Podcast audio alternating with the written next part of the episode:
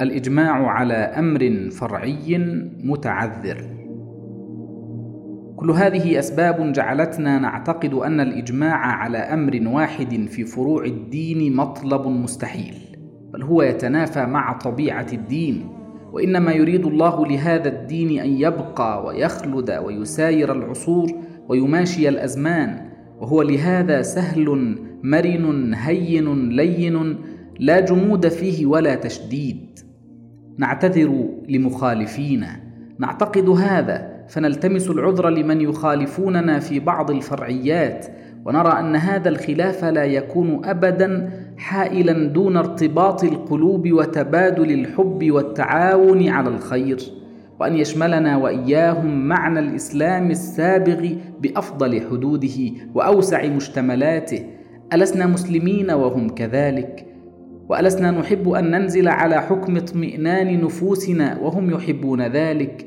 وألسنا مطالبين بأن نحب لإخواننا ما نحب لأنفسنا ففيما الخلاف إذن؟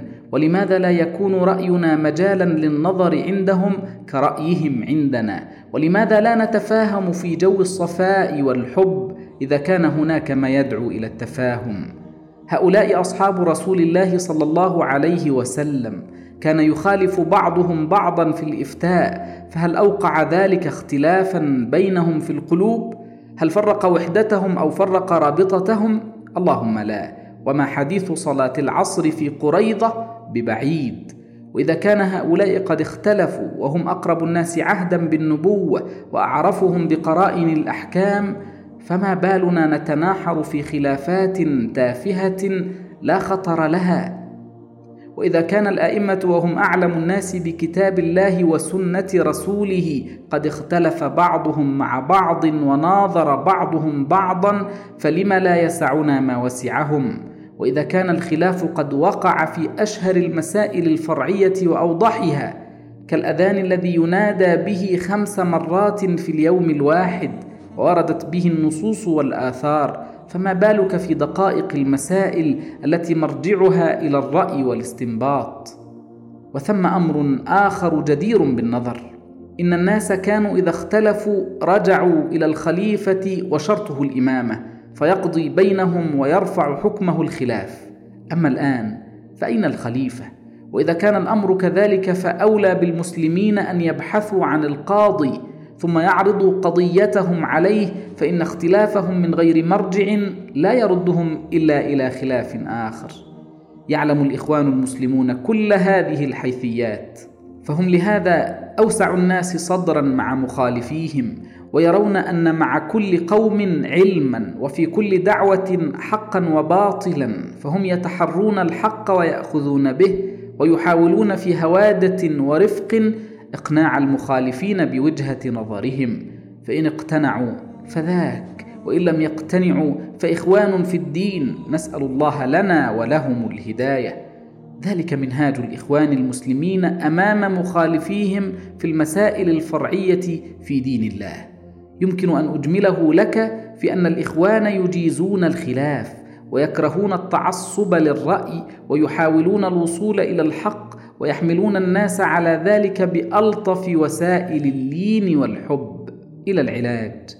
يا أخي أعلم وتعلم أن مثل الأمم في قوتها وضعفها وشبابها وشيخوختها وصحتها وسقمها مثل الأفراد سواء بسواء. فالفرد بينما تراه قويا معافا سليما فإذا بك تراه قد انتابته العلل وأحاطت به السقام وهدت بنيته القوية الأمراض والآلام ولا يزال يشكو ويئن حتى تتداركه رحمة الله تبارك وتعالى بطبيب ماهر ونطاصي بارع يعلم موطن العلة ويحسن تشخيصها حتى يتعرف موضع الداء ويخلص في علاجه فإذا بك بعد حين ترى هذا المريض وقد عادت إليه قوته ورجعت إليه صحته وربما كان بعد هذا العلاج خيرا من قبله. قل مثل هذا في الأمم تماما. تعترضها حوادث الزمن بما يهدد كيانها ويصدع بنيانها ويسري في مظاهر قوتها سريان الداء ولا يزال يلح عليها. ويتشبث بها حتى ينال منها فتبدو هزيلة ضعيفة يطمع فيها الطامعون وينال منها الغاصبون.